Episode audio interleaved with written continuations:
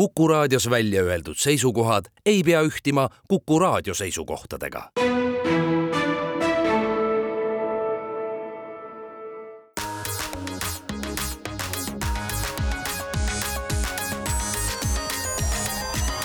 digitund. digitunnile ja digimaailmale annab hoogu Telia. tere hommikust, head Kuku raadio kuulajad, on esmaspäev, kümnes juuli ja Digitund alustab. stuudios on Mait Tafenau, Indrek Vaheoja ja Andrus Raudsalu. ja saate teises pooles liitub meiega ka Telia Eesti mobiilteenuste arendusjuht Mart Uusmaa, kellega me räägime kol-, 5G, vabandust, ma tahtsin öelda 3G, 5G võimalustest, mis mis ei ole tegelikult ainult 5G võimalus, eks ju, lihtsalt ütlen, see on ju, on tehnoloogia, mis töötas ka 4G võrgus ja 3G võrgus, lihtsalt sellest ei ole võib-olla niimoodi räägitud või pakutud, eks ju. jah, just, aga, aga see, mis on, see jäägu saladuseks, kuulake saade lõpuni. aga lähme nüüd edasi siit äh, kõigepealt äh, siis äh, uudistega laiast maailmast, et mõned sellised olulised verstapostid, nimelt kui me oleme siin rääkinud, et Eesti meediaettevõtted äh, nii-öelda murravad piike siis äh, maailma suurte platvormifirmadega, Metaga ja Google'iga äh, selle nimel, et nemad siis vahendavad ka muuhulgas Eesti meedias toodetud uudiseid, müüvad siis reklaami Eestis ka Eesti inimestele, näitavad seda ja ei maksa siin sentigi makse, nii et noh, ütleme, et et, et see on niisugune suhteliselt rumal olukord, kus äh, suurfirmad äh, pumpavad põhimõtteliselt Eesti inimeste arvelt siit turult raha välja, äh, jätmata siia siis mitte midagi maha, aga aga nüüd on siis Kanada võtnud vastu sellise seaduse, kus siis põhimõtteliselt nii Meta kui Google peavad siis uudisteallikate uudiste vahendamise eest hakkama neile maksma, ehk mis tähendab sisuliselt seda, et kui keegi postitaks oma Postimehe või Delfi uudise siis meta ajajoonele, siis ühel hetkel,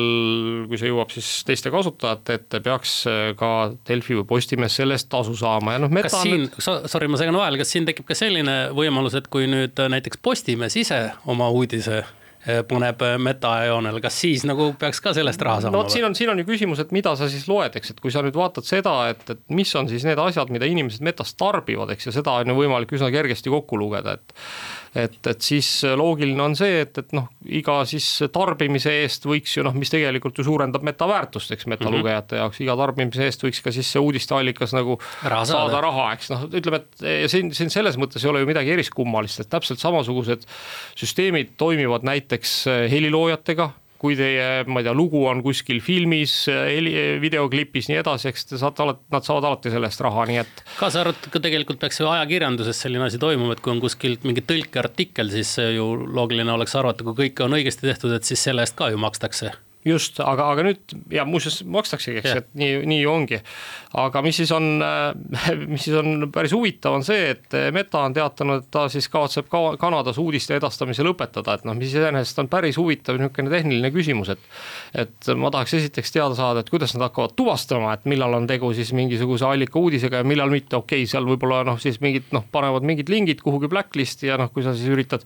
Metasse midagi sellist postitada või Facebooki, noh siis see läbi, lihtsalt läbi ei lähe, eks blokeeritakse ära sind. just, öeldakse, ei no mitte sind, aga noh, öeldakse sulle, et, et, et sorry, Vaan, aga ma ei tea, maksa ise ja siis tule tagasi, eks. aga absurdseks teeb see olukord äh, selle, et kui paljudel inimestel on ju noh, seesamune Meta või Facebook siis esimeseks allikaks või praktiliselt ainukeseks allikaks, kus nad üldse oma uudised kätte saavad, et väga paljud inimesed üldse noh, ei lähegi äh, ju mingitele spets, noh no, stiilis postimees.ee lehele, vaid nad saavadki Facebookist oma asjad ju kõik kätte, eks ju. uudiskanalid, kellel ongi põhimõtteliselt oma esilehel ei olegi liiklust, kogu liiklus tulebki sotsiaalmeedialt, see ongi nende strateegia mm -hmm. ja mhm. selle kaudu turundataksegi ja selles mõttes on see ju kõik okei okay aga noh, nüüd ongi küsimus, et kui palju sellest uudisest sinna Facebooki lehele siis tegelikult jõuda võib, eks ju, et noh, kus seal ongi pehmelt öeldes ka ainult niisugune sisseviskaja, siis on see iseenesest ju okei okay,, ainult see kommentaaride liiklus jääb siis sellesse Facebooki keskkonda. noh, vot siin on, siin on muidugi see küsimus, et, et kui nüüd nagu Meta peaks oma kanalitest need uudised ära lõikama, siis mina mõtlen nagu seda, et noh, et, et kui ma vaatan oma Facebooki kasutust ja võib-olla ma olen seal midagi valesti teinud, võib-olla ma olen seal ise olnud vähe aktiivne, ma ei tea, vähe like inud mingisuguseid asju või mis iganes,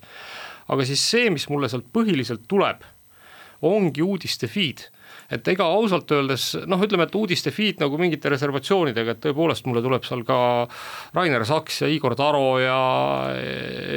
ja, ja Teet Kalmus, eks, ja, ja noh, ütleme, et mingid sellised asjad, noh, mida tõenäoliselt vist väga paljud eestlased loevad, eks, kas, kas siis enamasti Facebookist või siis ka mõnest ajakirjandusväljaandest, mis neid repu-, republitseerivad. ja noh, ja siis tulevadki igasuguste erinevate väljaannete uudised, noh, kas erinevate inimeste poolt postitatuna, nende väljaannete poolt postitatuna, siis tuleb mingi hunnik, hulk lollakat reklaami, reklaami, mida ma tegelikult ei taha tarbida, kus mulle üritatakse mingit toodet maha müüa. ja noh, väga-väga harva tuleb mõne sõbra postitus, noh, mis tõesti nagu noh. Läheb korda ka, eks ju. eks ole, mis läheb korda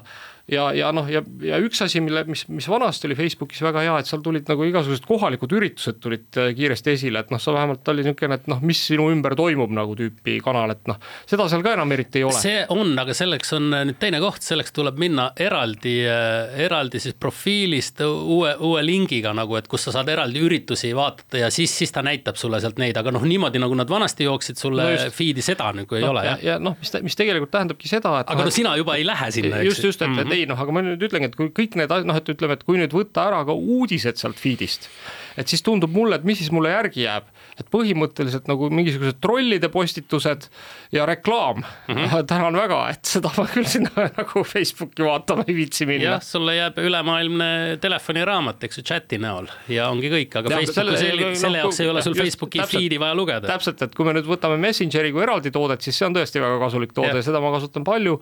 aga noh, ütleme, et, et see Edasi Facebooki kõik, feed eks. on tõesti nagu täiesti, muutub täiesti mõttetuks, nii et noh, jõudu neile siis, kui nad kavatsevad seda teha. kui see uudis nüüd kokku tõmmata, siis Meta on sellist sellist asja proovinud äh, varem ka ja tuleb välja, et kaks tuhat kakskümmend üks äh, Austraalias, siis nad äh, ka tõmbasid oma siis uudised Facebookist välja.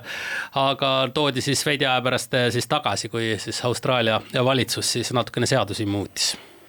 no vot, aga lähme siit edasi. on räägitud, et sügisel tuleb välja Spotify'l hi-fi või siis ütleme, kõrgkvaliteetse või kadudeta muusika edastuse võimalused, noh teadupärast alati kõik see muusika, mida me telefonis kuuleme, on pakitud, pakkimisega läheb tegelikult ikkagi midagi kaduma ja. no päris palju läheb ikka kaduma. jah, ja nüüd sõltub inimeste kõrvadest, eks, et kes siis muretseb selle pärast ja kes mitte ja kui sa oled endale koju ostnud väga kalli tehnika ja kogu su muusika on täna kolinud kuskile voogedastuse platvormile, siis sa tegelikult oled ju mures, et, et, et tegelikult tahaks ju ikkagi maksimaalselt seda kätte saada ja ja okei okay,, on olemas ka teenused näiteks nagu Tidal kes on tuntud selle poolest, et nemad nagu pakuvadki siukseid müravaba pakette juba kohe algusest peale, siis Spotify, kes on maailmas võib-olla kõige tuntum. oot, oot, oot, oot, Mait, ma ütlen sulle veel ühe teenuse, mis pakub täiesti nagu lossless hi-fi kvaliteediga muusikat ja see on Apple Music. Ahah, no väga hea teada. Et, et, et Tidal on ikkagi nagu noh, ütleme selles mõttes tuleb neile au anda, nad olid tõesti esimene, kes hakkas pakkuma siis äh, päriselt sellist äh, kompresseerimata muusikat ja noh, minu ja näiteks noh, nüüd võib-olla mitte väga haritud kõrva jaoks oli seal selgelt vahe olemas, kui sa Tidalit kuulasid, Tidal oli lihtsalt kohutavalt kallis, minu, kui ma õigesti mäletan, siis nad küsisid umbes kakskümmend viis eurot ja äh, kuus. Spotify tuleb samuti, hinnaklass peaks olema umbes suurusjärgus kakskümmend eurot, et selles mõttes, kui sa mõtled, tavaline pakett maksab ikkagi tunduvalt vähem, ta vist oli üheksa eurot praegu ja kui sa võtad perepaketi, kus on kuus kohta kaksteist äkki või midagi siukest. mingi siukene, et ühesõnaga. võib-olla valetan, aga no suurusjärk sinna, eks. selles mõttes tegemist on ikkagi kalli teenusega no,. teenusel tead... on ka väga uhke nimi, Supremium Supremium on selle teenuse nimi. kusjuures, kusjuures siin ma arvan, et me veel näeme titaanide heitlust selles mõttes, et, et et eh, noh, nii palju kui mina tean, siis Spotify on seda HIFi teenust arendanud umbes kaks aastat, et noh, see on olnud neil peaaegu valmis, vist oli peaaegu valmis juba eelmise aasta sügisel ja üllatus-üllatus, miks nad seda ei lansseerinud, oli see, et Apple hakkas pakkuma samamoodi noh, tegelikult oma nagu mingite pakettide sees eh, siis seda lossless muusikat ehk, ehk siis seda, mis on ilma kompressioonita ja, ja noh, ütleme, et äh, neil ilmselt oli see probleem, et noh, polegi nagu nüüd enam ärimudelit, sellepärast et Apple'ist sa saad seda ilma su premium paketita kätte, on ju. suur ja, töö sai ära tehtud, kasu ei midagi, eks. just ja, ja, ja noh, ma kardan, et nüüd siin on nad noh, on, on, on samamoodi selle õhkise küna ees, et noh, et eks nad siis üritavad, et noh, kui töö on juba tehtud, et äkki õnnestub seda tööd ikkagi kellelegi maha müüa. ja noh, loomulikult eks äh, ju noh, on hulgaliselt Spotify kuulajaid, kellel noh, või vist ei ole Apple Musicule ligipääsu, ma ei ole kindel, kas Apple Music on Androidi platvormi peal, täiesti üllatusena avastasin, et Apple Music on saadaval Windowsile näiteks, nii et kui teil on Windowsi arvuti kodus, siis võite vabalt ja noh, te olete näiteks iPhone'i kasutaja ja olete seal ka Apple Music'u siis tellija, siis võite selle endale tõmmata ka kodus Windowsi arvutisse ja kuulata seal lossless muusikat. või kui teil on uus televiisor, siis ka need Apple'i kõik need videod on ju seal televiisorist Apple'i rakenduse kaudu kättesaadavad. nii et, nii et, nii et selles mõttes on Spotify päris keerulises olukorras ausalt öeldes, kus ikkagi on nagu noh, Spotify, kes on olnud vist siiamaani, kui ma nüüd ei eksi, ikkagi kahjumit, kahjumit tegev ettevõte, mitte kasumit aga samas kõige rohkem integreeritud ettevõte teisest küljest seadmetesse, et ta on igalt poolt mugav otse kuulata. nõus ja ta on nagu selles mõttes ikkagi paljude inimeste peas bränd, et noh, et kõik, kes mõtlevad nagu muusika striimimise peale, mõtlevad esmajoones Spotify peale. Spotify'l täna on umbes noh, nelisada miljonit pluss vist seda kasutajat, kes neile ka nagu midagi vist maksavad. raha ka maksavad, jah. kui ma, kui ma ei eksi. aga noh, ma ütlen, et Apple ei ole sealt täna enam väga kaugel. aga lähme siitkohalt nüüd reklaamipausile ja oleme juba hetke pärast tagasi.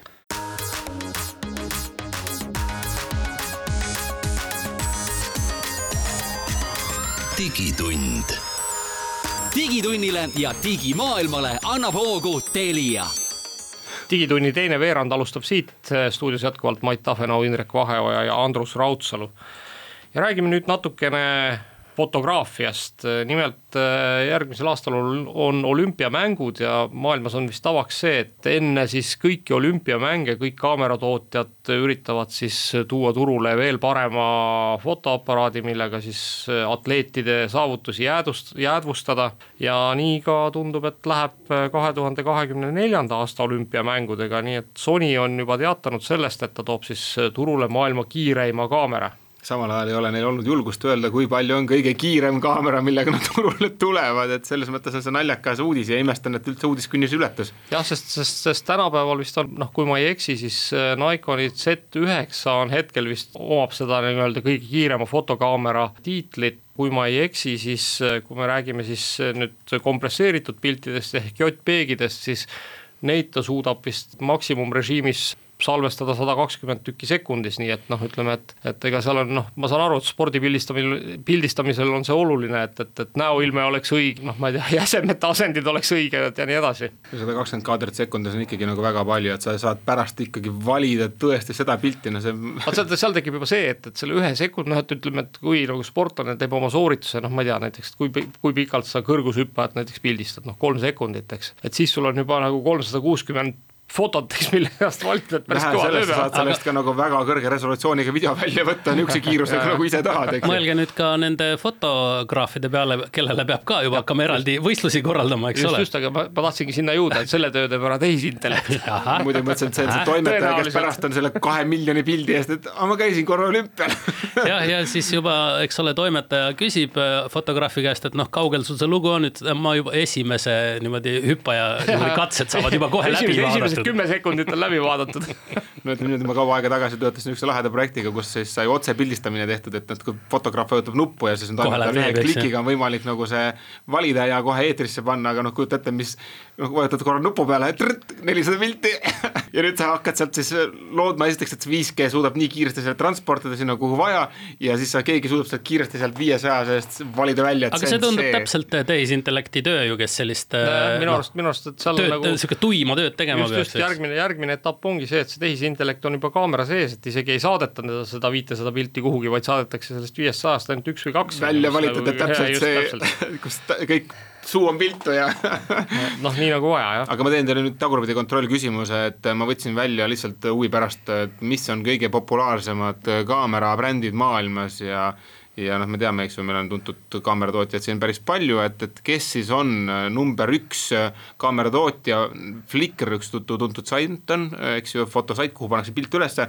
ja nende statistika, et, et, et millistest kaamerast pilte on pandud Flickri saidile kõige rohkem? no, no mina täieliku diletandina ütlen Canon. Nonii, Andrus? noh, mina jällegi ütlen, et Sony ja ma kohe põhjendan seda ka, no mis õigus on? õige on tegelikult Apple, eks ju, et kõige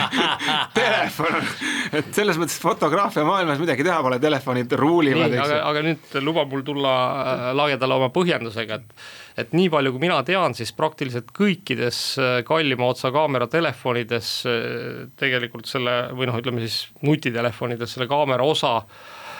on valmistanud Sony ehk tegu on siis Sony sensor, kuigi ma ei ole, ma ei ole päris kindel. ma üritasin ka kindlaks teha, et, et äh, kiiresti guugeldades, et mis siis on äh, Apple A siis nendes Pro Max telefonides äh, hetkel siis neliteist on see kõige viimane mudel. et kes on kaamera valmistaja ja seal väidetavalt ikkagi mingid osad on kindlasti Sony käest pärit. no ütleme niimoodi. võib olla ka kellegi teise juppe seal sees, aga noh selge on see, et, et seda kaamera osa minu teada Apple täna veel ise ei valmista, noh kuigi ta on nagu aina rohkem läinud oma telefonides seda teed, et kõiki komponente teeb ise. No seda siis saab enam-vähem vist iga autotootja kohta öelda, et kuna me teame, et enamus autotootjad ise kõiki asju ei tooda, vaid ostetakse kuskilt raam, eks ju, ostetakse kuskilt mootor, eks ju, alles hiljuti siin vaatasime ühe sõbra Fordi kapoti alla ja seal oli Peugeot, eks ju. Et selles mõttes noh, küsimus ei ole selles, et et kelle sensor seal on, küsimus on selles, mis sa selle sensorist tuleva andmestikuga peale hakkad ja kes suudab sellest parima pildi siis välja võluda oma igasuguste erinevate nagu salajaste koostisosadega, retseptidega, soola, pipra ja kõige muuga, eks. nojah, aga siin, siinkohal mulle tundub ka, et ikkagi, et, et noh, paraku see kaalukauss hakkab minema suurt nutitelefonide tootjate poole, sellepärast et lihtsalt ühel hetkel ei ole midagi teha, aga tarkvara on see, mis hakkab rolli mängima ja kindlasti tarkvaratootjatena on neil lihtsalt rohkem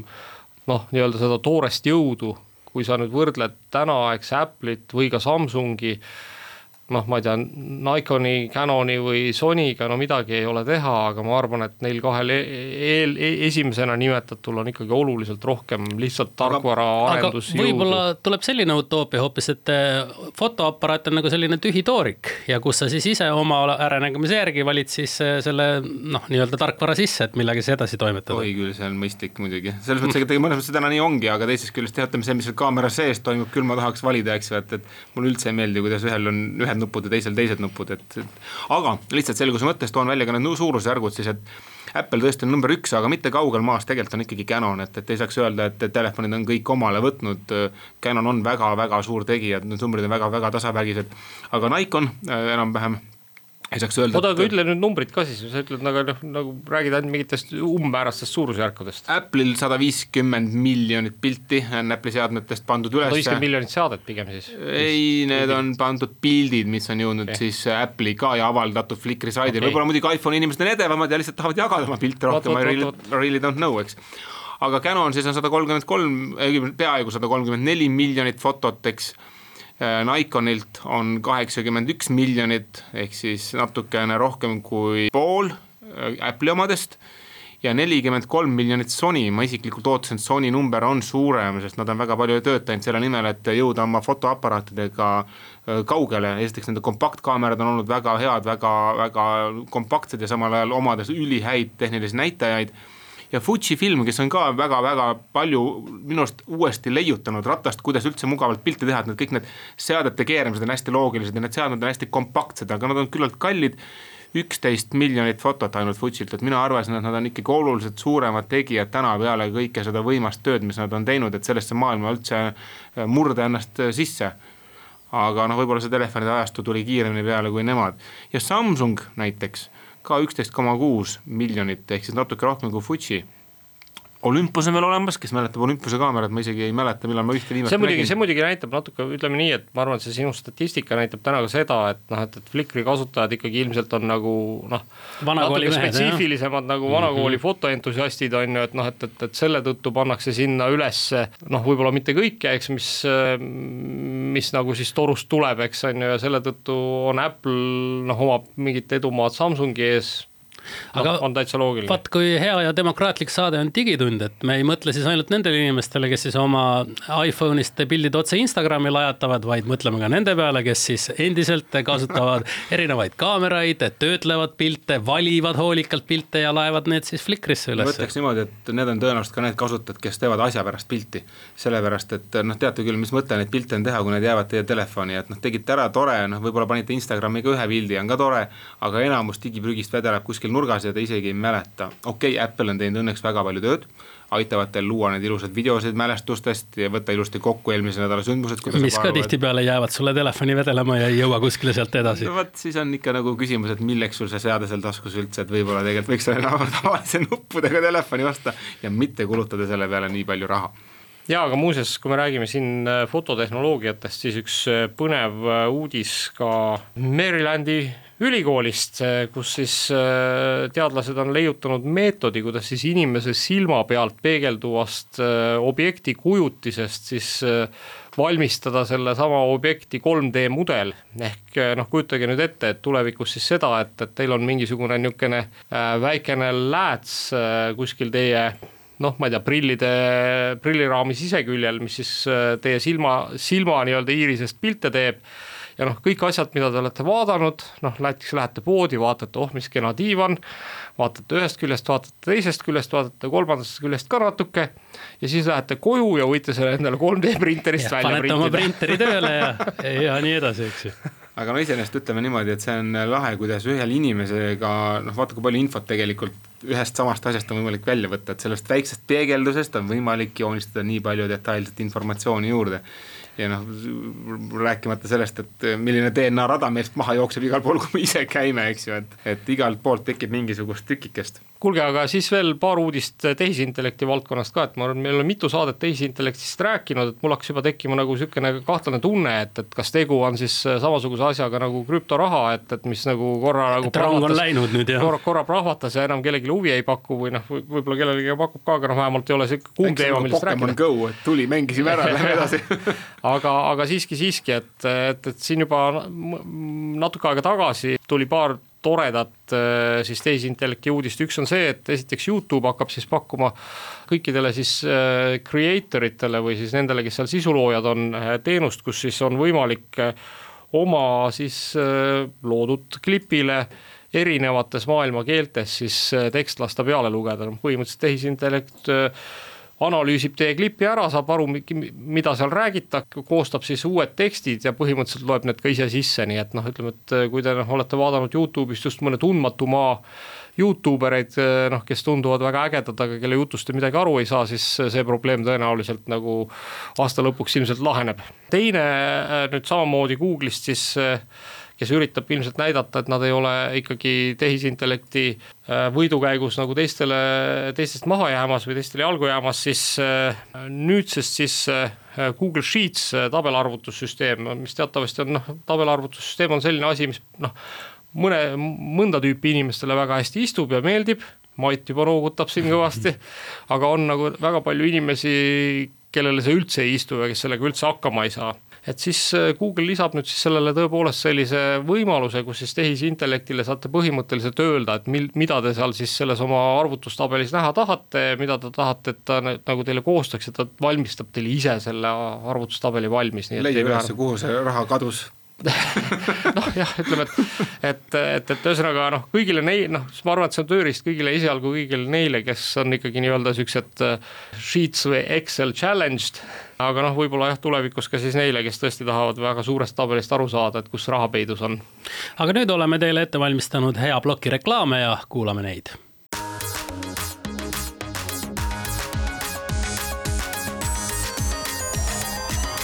digitund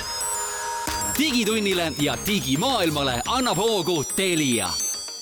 digitund jätkab äh, oma teise poolajaga ja külas on meil äh, Telia Eesti mobiilside arendusjuht Mart Uusmaa, kellega mõned nädalad tagasi rääkisime mobiilside erinevatest võimalustest ja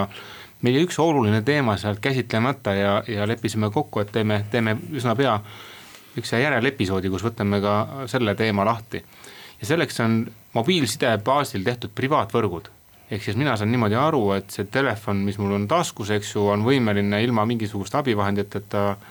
olema ettevõtte võrgus ja, ja, ja alustamegi kohe päris algusest, et Mart, sina oskad kõige paremini siis meile selgitada, et mis asi on mobiilne privaatvõrk? jaa, äh, mobiilne privaatvõrk on siis äh, selline mobiilside alamvõrk põhimõtteliselt, kus me saame kliendi äh, kontori internetti laiendada tema mobiili, mobiilseadmesse. et see ei pea olema telefon, see võib olla ka sülearvuti või tahvelarvuti ja iga kord põhimõtteliselt, kui sa ühendad ennast võrku, mobiilivõrku, siis on, on, oled sa ka samal ajal kontori sisevõrgus. ehk see toob niisuguse äh, turvalisuse hüppe su äh, kasutajaseadmetesse. et äh, kaob ära niisugune mm, tume ala nagu äh, tasuta wifi võrgud.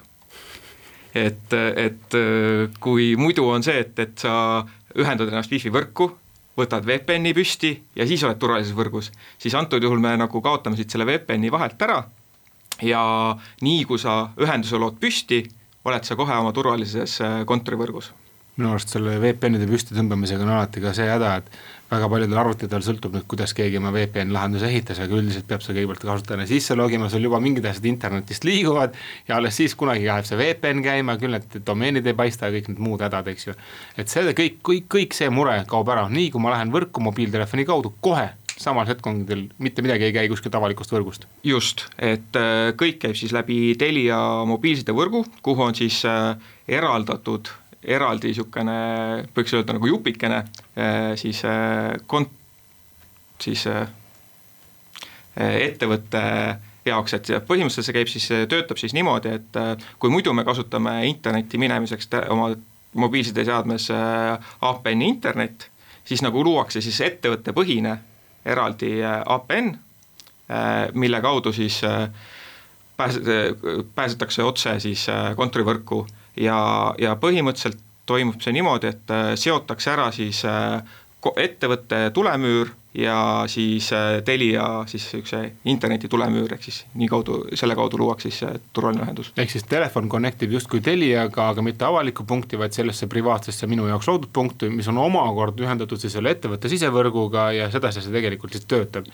ja sinna võrku ei saa täitsa suvalised inimesed, sinna saavad ikkagi ainult need, kes on ette nähtud. just, et see, et ei saa niimoodi, et äh, suvaline inimene tänavalt paneb sama APN-i ja saab ka võrku, ei, et seal ikkagi see tuvastamine käib siis läbi SIM-kaardi, et äh, sellel konkreetsel SIM-kaardil on lubatud siis äh, konkreetne APN, mis siis saab konkreetse ettevõtte ja kas ma saan ka niimoodi teha, et ma annan oma töötajatele kõigile nüüd need SIM-kaardid ja nemad muud pidi internetti ei saagi kui ainult minu ettevõtte kaudu? Äh, põhimõtteliselt saaks ka sii-, nii, aga noh, siis antud jutul me peaksime nendelt SIM-kaartidelt keelama ära siis internetiteenuse. tavalise internetiteenuse. tavalise internetiteenuse, jah okei okay,, ja see teenus ei, ei ole ainult Eesti-põhine, et kui ma lähen ka Soome, Saksamaale, kus iganes Euroopas või Ameerikas või Aasias, kas ka äh, siis? põhimõtteliselt jah, et äh, kindlasti töötab ta kõige paremini Eestis äh,, kui sa lähed nüüd välismaale, siis hakkad kasutama oma roaming teenuse mahtu okay.. et sa pead sellega nagu arvestama. aga, aga näiteks situatsioonides, kus kus siin osad ettevõtted juba panevad endale wifi võrke kontoris kinni, siis see niisugune Äh, mobiilside tee-, mobiilside peal, 5G peal töötav niisugune privaatvõrk on äh, väga hea lahendus neile kas sa ütlesid kuidagi, et kui ma nüüd Euroopa Liitu lähen, hakkab see minu andmemahtu vähendama, kas siis Eestis te selle mahtu ei mõõda? Äh, no see sõltub, milline pakett sul on põhimõtteliselt, aga üldjuhul jah, et, et meil on ikkagi äriklientidel on üldjuhul niisugused piiramatu mahuga paketid okei okay,, aga teeme korra võib-olla teise poolega lahti, et millistel hetkedel üldse inimesed tahavad oma võrkusid äh, kaitsta või, või, või noh, miks seda peaks vaja olema, et, et, et miks ma ei võiks lihtsalt tavaliselt interneti kaudu nagu internetis käia, et miks peaks miks on turvalisem, miks, miks öeldakse, et turvalisuse pärast paneme VPN-i, miks me paneme turvalisuse pärast inimese sinna sisevõrku? Äh, no seal on mitu põhjust, esiteks on see, et äh, ettevõtte äriandmed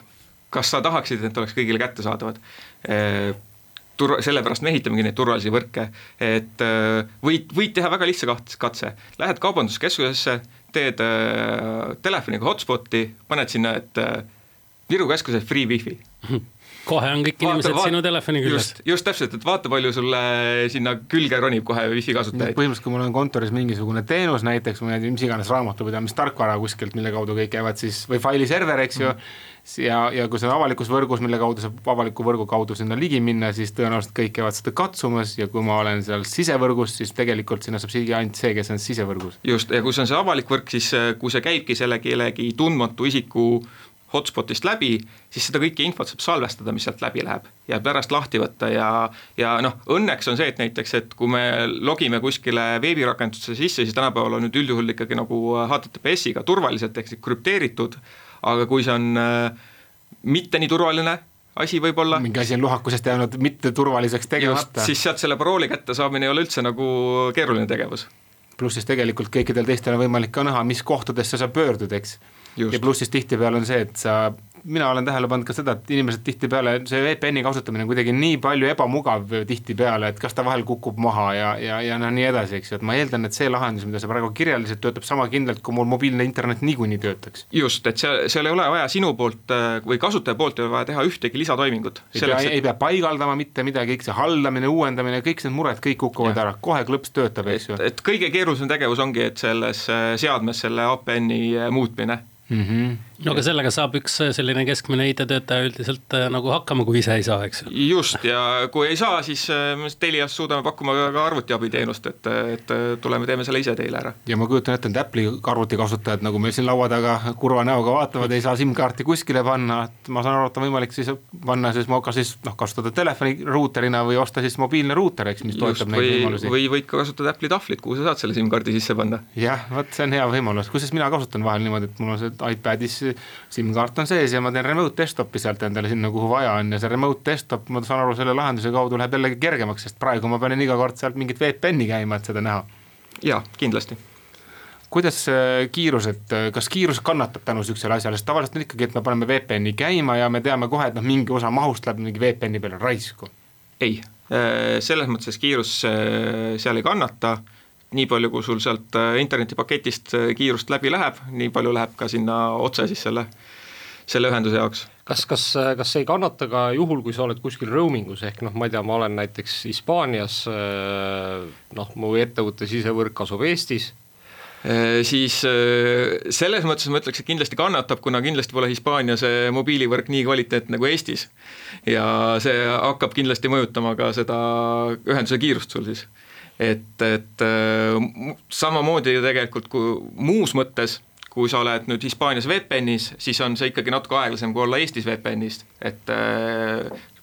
bitid liiguvad natuke pikemalt maad lihtsalt. et see kiiruste kadu, see sõltub kõik ikkagi konkreetselt sellest kohapealsest äh, teenusepakkujast? just, roaming us olles kindlasti sõltub seda kohapealsest teenusepakkujast aga kas sellist äh, lahendust kasutades nüüd siis tööandja äh, näeb kõik ära, mis ma oma telefonis teen, et võib-olla mul on seal ka mõned mängud, mida ma mängin igapäevaselt ja, ja nüüd tekib kohe küsimus, et mis siis saab, kas ma, kas ma pean sellise oma vaba aja veetmise, noh, oletame, et tegu on sellise noh, mitte nii kõige eeskujulikuma töötajaga, et kas ma pean siis selle elu kuidagi oma telefonist välja saama? selleks on sul nagu kaks võimalust siis, et äh, saad äh, kasutada oma siis vaba ajal ka teist APN-i, et vahet, vahetad ära lihtsalt, et äh, teed tööasju siis töö APN-iga ja vaba aja asju siis vaba ja tavalise interneti APN-iga, aga üldjuhul näeb tööandja sul siiski sama palju nagu tavalisest kontorivõrgust tulemüürist näeb sinna sisse, et, et ma pean ütlema, et kui mina su tööandja oleks, siis ma võtaks selle võimaluse selle ära, et sa ei saagi sealt selle avaliku interneti kaudu minna, sest jumal teab, millal sa otsustad äh, turvalisuse äh, löögi alla panna selle jaoks, et oma mingisugust kahtlast mängu mängida. no ikkagi kõige kriitilisemal hetkel, ma arvan, on mõistlik turvalisus löögi alla panna, mis ma siis nii, noh muidu, eks ju. vähe sellest, ma isegi lubaks sul neid mänge sinna installida. hakkab pihta, ma ei lähe kunagi sinna töötama, kus mait on suur elamus aga läheme siitkohalt nüüd reklaamipausile ja siis oleme juba tagasi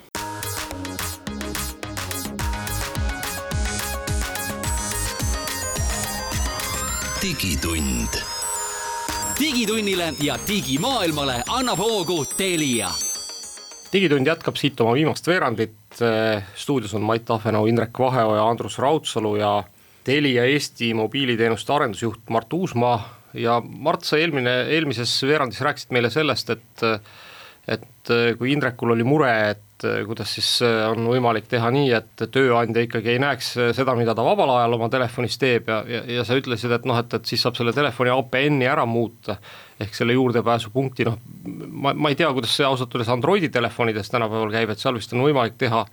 tööprofiil ja, ja nii-öelda koduprofiil, mida saab siis kuidagi ühe nupule vajutusega vahetada Apple'i telefonides, selleks küll minu arust mingisugust niisugust lihtlabast lahendust ei ole, et tuleb minna siis sinna kuhugi telefoni setting ute Äh, kõhtu ja, ja hakata neid APN-i äh, siis aadresse vahetama, noh, mis ma arvan, et keskmisele kasutajale on täiesti üle jõu käiv ülesanne, et, et, et kuidas sellest murest äh, jagu saada? siin on olnud nii äh, Google'i poolelt arenduses kui ka siis Apple'i poolelt äh, jutte, et tulevikus hakkab see asi käima kuidagi lihtsamalt. Et seesama, see praegult need Google'i või noh, Androidi telefonide work-profiili, profiilid alla saad juba määrata, et mis aplikatsioonid on siis nagu töö jaoks kasutuseks, mis teises, mis on erajaoks kasutuses äh, on lootust, et see niisugune lahendus tuleb ka Apple'i poole, poole peale. Äh,, aga ilmselt tulevikus saab loodetavasti ka neid APN-i põhiselt neid eristada niimoodi, et juttu on siin olnud just äh, siin, kui me räägime 5G stand-alone võrkudest, et sinna tuleks ka näiteks ka kvaliteediklassi järgi äh, teenuse kvaliteedi klassi, klassi järgi eristamine siis äh, erinevate aplikatsioonidele et see mõte siis seal taga on see, et näiteks kui sa teed tööl Teamsi kõnet, siis see saaks näiteks võrgus kõrgema prioriteedi kui lihtsalt tavalise interneti vaatamine. Et siis, kui sul on ka nagu natuke kehvem äh, või ühendus, et sul näiteks Teams läheks ikka läbi. aga see on veel alles niisugune noh, arenduste tasemel, et seda veel, veel väljas ei ole mm, -hmm. aga loodetavasti tulevikus tuleb. just, ma, ma, ma tahtsin ka küsida, et noh, et selles mõttes, et noh, kunagi siis, kui neid alles neid 5G nagu igasuguseid äh, unelmaid meile ette manati ja räägiti sellest, et kuidas kõik, kogu maailm muutub 5G tulekuga, et noh, siis räägiti hästi palju sellest, et on võimalik erinevaid äh, siis noh, tegevusi prioritiseerida ja noh, minu teada vist ega ma ei tea, kas maailmas mõni operaator juba midagi sellist teeb ka, et vist ei tee keegi, et et minu küsimus on just, et millal, millal see ükskord juhtuma hakkab, on sul mingisugune noh, nähtav horisont ka või kas, kas Telia juba katsetab mingite selliste asjadega? no võrgu tasemel on võimalik äh, liiklust prioritiseerida, äh, küsimus on praegult äh, kliendiseadmetes mis ei ole veel järgi jõudnud sellisele prioritiseerimisele. See vist on see teine pool ka, eks ju, meil kehtib niisugune äge termin nagu võrguneutraalsus, eks, sest noh, operaator ei tohi vist midagi prioriseerida, aga oma kontorivõrgus võid sa igast asju teha, et öelda, et näiteks, et raamatupidamistarkvaratehingud peavad alati läbi minema ja kõik muu ei ole oluline, eks ju just, et äh, sa ei tohi prioritiseerida teenuseid äh,, sama tüüpi teenuseid, ehk siis piltlikult öeldes äh, sa ei tohi anda Netflixile kõrgemat prioriteet, prioriteeti kui Youtube'ile sama teenuse kasutapakkuja mm -hmm. juures, et need peavad olema nagu võrdsed mm. -hmm. jah, aga kui sul on näiteks mingisugune, ma ei tea, kiirabi kutsumise teenus siis sellele ei nagu telefoniteenus näiteks, VoIP-teenus või niimoodi, et siis seda et... sa võid, eks ju, ikka ja peabki prioritiseerima. ja see ongi prioritiseeritud, et äh, Volte kõne 4G võrgus on kõrgema prioriteediga kui data mm. -hmm mis on ka data, eks ju, aga ta lihtsalt on arusaadavalt mingi teisel eesmärgil, eks ju. just huvi pärast küsin, et äh, mida mul üldse selleks vaja on, et, et kui ma nüüd tahan niisugust privaatvõrku teha, et ma tunnen, et ma päriselt ausalt öeldes ma isegi tunnen, et oma perele tegelikult hea meelega laseks kogu võrguliiklus oma koduvõrgust läbi, et ma ei tea, mis see teenus maksab või, või kas ma üldse sobiksin kliendiks või, või kas, kas iseteenindus on kuskil äkki nurga taga. issand, ma ei tahaks Maidu laps ka olla nii-öelda, kõike ainult prioritiseerib just, just ja, ja vaatab üle. võib-olla vastupidi, ausalt öeldes, kes su turvalisuse eest healt hoolt kannab. õhtul on kõnetund, et nii, sina vaatasid täna seda, seda ja seda. ma kujutan ette, kus pärast saadet hakkavad inimesed helistama mulle, et Mait, ma tahaks ka sinu kodu turvavõrku tulla e, erakliendile me seda teenust ei paku, küll aga äriklientidele pakutakse pakutakse, see on niisugune rätseplahendus äh, ikka veel, et ei ole niisugune pakett, et tule võta, et äh, tuleb äh, oma halduriga rääkida ja siis saame pakkuda. aga põhimõtteliselt jah, et siis tulebki niisugune üldpildis tuleb lihtsalt äh, siduda ära siis ettevõtte tulemüür ja siis Telia mobiilsidevõrgu tulemüür, mille kaudu, mis saame siis suunata äh, kliendiliikluse siis, siis läbi mõlemast ja, ja siis seal tänu sellele tekivad siis äh, kliendile siis ongi need äh, lisavõimalused, nad saavadki oma, kasutada siis näiteks ka oma seda ettevõtte IP aadressi plaani selleks, et äh, anda. mis on tegelikult õige, et minu arust see on väga hea, mis sa praegu välja tõid, väga sagedasti meil on ju ka tegelikult nagu IP-põhised ligipääsud, et noh, et sa ei näe jällegi mingi teenuse sisu, kui sa ei tule oma sellelt samalt kindlalt IP aadressilt, eks ju, ja no see on järjekordne asi, et me ei taha ainult sisevõrku panna siin ka turvalisuse, seepärast selles mõttes, et noh, et sa oleks ainult sisevõrgus, vaid ka sellepärast, et ka see väljaminev liiklus tuleks samast kohast, eks ju. sa saad öelda, et näed, Andrus, et see on see Andrus, kes tulebki minu kodust alati ja, ja, ja tema peab saama ligi ka nendele, mis iganes minu pärast noh, Netflixil küll IP-piirangut ei ole, aga saate aru, mis ma mõtlen, eks. kuule, aga ma, ma nüüd korra tulen tagasi selle juurde, et okei okay,, eraklient seda ei saa, on ju aga äh, sa ütlesid, et, et noh, et. võib-olla saab, lihtsalt küsimus on rahas, ega. ei, ei no, no ma ei tea, noh, no vähemalt Mart ütles, et ei saa, on ju, aga no jah, okei okay,, jätame siis sinna, et on rahas, on ju, et ta tuleb Mait Suure rahakohvriga, siis võib-olla saab, aga, aga kui noh, ütleme, et kui, suur see klient peaks olema, et noh, kas nagu näiteks ma ei tea, kolme töötajaga ettevõte võiks tulla seda küsima oma kliendihalduri käest, kas see on talle täna rahaliselt üle jõu käiv või ka tehniliselt võib-olla üle jõu käiv? no hetkel oleme seda pakkunud pigem nagu suurt, suurklientidele äh,, aga arutelu on ka, et nagu pakkuda seda ka väiksematele. et äh, see sõltub kindlasti sellest kliendi profiilist ja mis ta täpne vajadus on ja kas näiteks me juba haldame tema kohtvõrgu lahendusi, et kui see juba, näiteks sellega juba tegeleme, siis on see kindlasti meil lihtsam, see sidumine. aga jah, et, et ma arvan, et siin niisugust ühest otsust vastust ei ole, et et, et kui väike ettevõte see, ettevõttele see sobiks või mitte. pigem on küsimus, kas ettevõte hoolib oma turvalisust ja kas see on selline oluline, eks. just, et, et praegult on nagu äh, see lahendus kasutusel niisugustel äh, suurtel ettevõtetel või siis ka noh, näiteks nagu turvafirmade puhul on seda kasutusel, on äh, energiaettevõtete puhul kasutusel, samuti IoT võrgud tihtipeale kasutavad seda, et noh, ei ole igasse Äh, sensorisse ei saa, saa panna seda VPN ühendust püsti, et, et siis juba kasutatakse sellist APN-i lahendust, et teha. see on ka tegelikult õige, tõesti, ostad mingi IoT seadme, tal on see SIM-kaardi ühendus ja sa ei saa seda VPN-i, see on jumala täitsa tavaline olukord, eks ju. ja teisest küljest ma just tegelesin ühe projektiga, kus me panime sihukest siis keskset äh, võrguseadet ettevõttele, kus siis on võimalik ka nagu teha teatud piiranguid, et mingisugused pahad äh, saidid ei olegi kättesaadavad, sest ka kogemata noh, teate küll, turvalisus algab sellest, et inimesed tahavad head tööd teha, eks tuli, tuli kiri, tahan vajutada seda nuppu, aga meil on kesksest müürist juba need kahtlased äh, segmendid võrgust äh, välja lülitatud, et ei olegi võimalik neile klinkidele ka heatahtlikult kogemata klikkida selles mõttes minu arust järjekordselt, ma ütlen endiselt minu arust väga väärt teenust ja kindlasti oluline teema, mida täna mulle, mulle, mulle, mulle, mulle tundub ka nagu see, et, et, et noh, üks, üks võib-olla väärtus sellel lahendusel on see, et kui me räägime sellest, et, et me tegelikult liigume sinna äh, noh, salasõnavaba maailma poole, eks, et, et sinu noh, mingisugune mobiilne seade näiteks, eks, või noh, mis iganes seade, aga põhiliselt ilmselt saab selleks ikkagi telefon, ongi sinu identiteedi kandja, on ju ja noh, selle ja, ja noh, ütleme, et identiteedi kandjaga sisse logimisel paljudesse noh, välistesse teenustesse on ju, noh nüüd me räägime siin tavatarbija teenustest, et et tegelikult see annab selle võimaluse, et see telefon muutub sinu identiteedi kandjaks ka sinu tööandja juures olevate teenuste juures, ehk, ehk, ehk sisuliselt sa noh, ütleme, et oledki nagu läbi selle telefoni identifitseeritud, saad ligi, no siit tekib muidugi noh, järgmine turvaküsimus, eks, et mis juhtub siis, kui telefon ära varastatakse? no siis on, võiks olla see telefon ka hallatav siis tööandja poole pealt, ehk siis kui see telefon ära kaob, varastatakse, saaks selle ka eemalt nagu ära kustutada. kas need töövahendid on täitsa olemas ju, millega on võimalik telefonid haldusesse võtta, et enamus ettevõtted ei halda, aga aga näiteks ka näide, et Apple'i seadmete haldusse võtmine on täitsa ka tasuta enam-vähem minu arust võimalik, et Apple'il on selle jaoks tööriistad olemas, minge tehke ära, eks ju, et ja see on niimoodi, et kui isegi telefonid ära nullid, siis ta teab Apple'i kesksest serverist et sellel telefonil on haldus peal ja ta paneb selle alati sinna tagasi kohe, kui see telefon uuesti no,. mis tähendab, mis tähendab seda, eks, et juhul kui telefon ära varastatakse, keegi kuskil vajutab nuppu,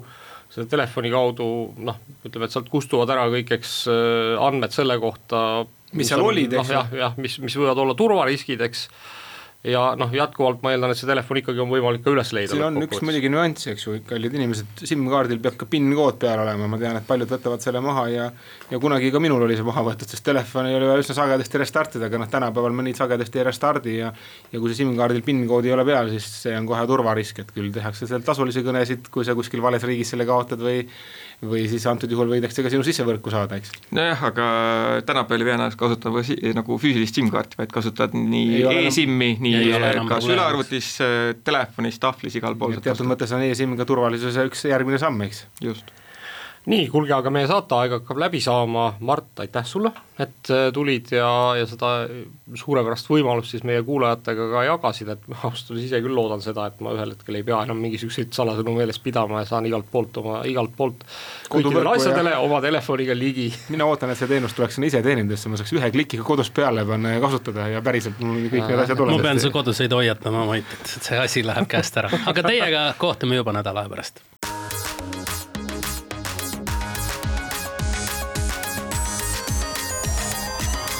digitund. digitunnile ja digimaailmale annab hoogu Telia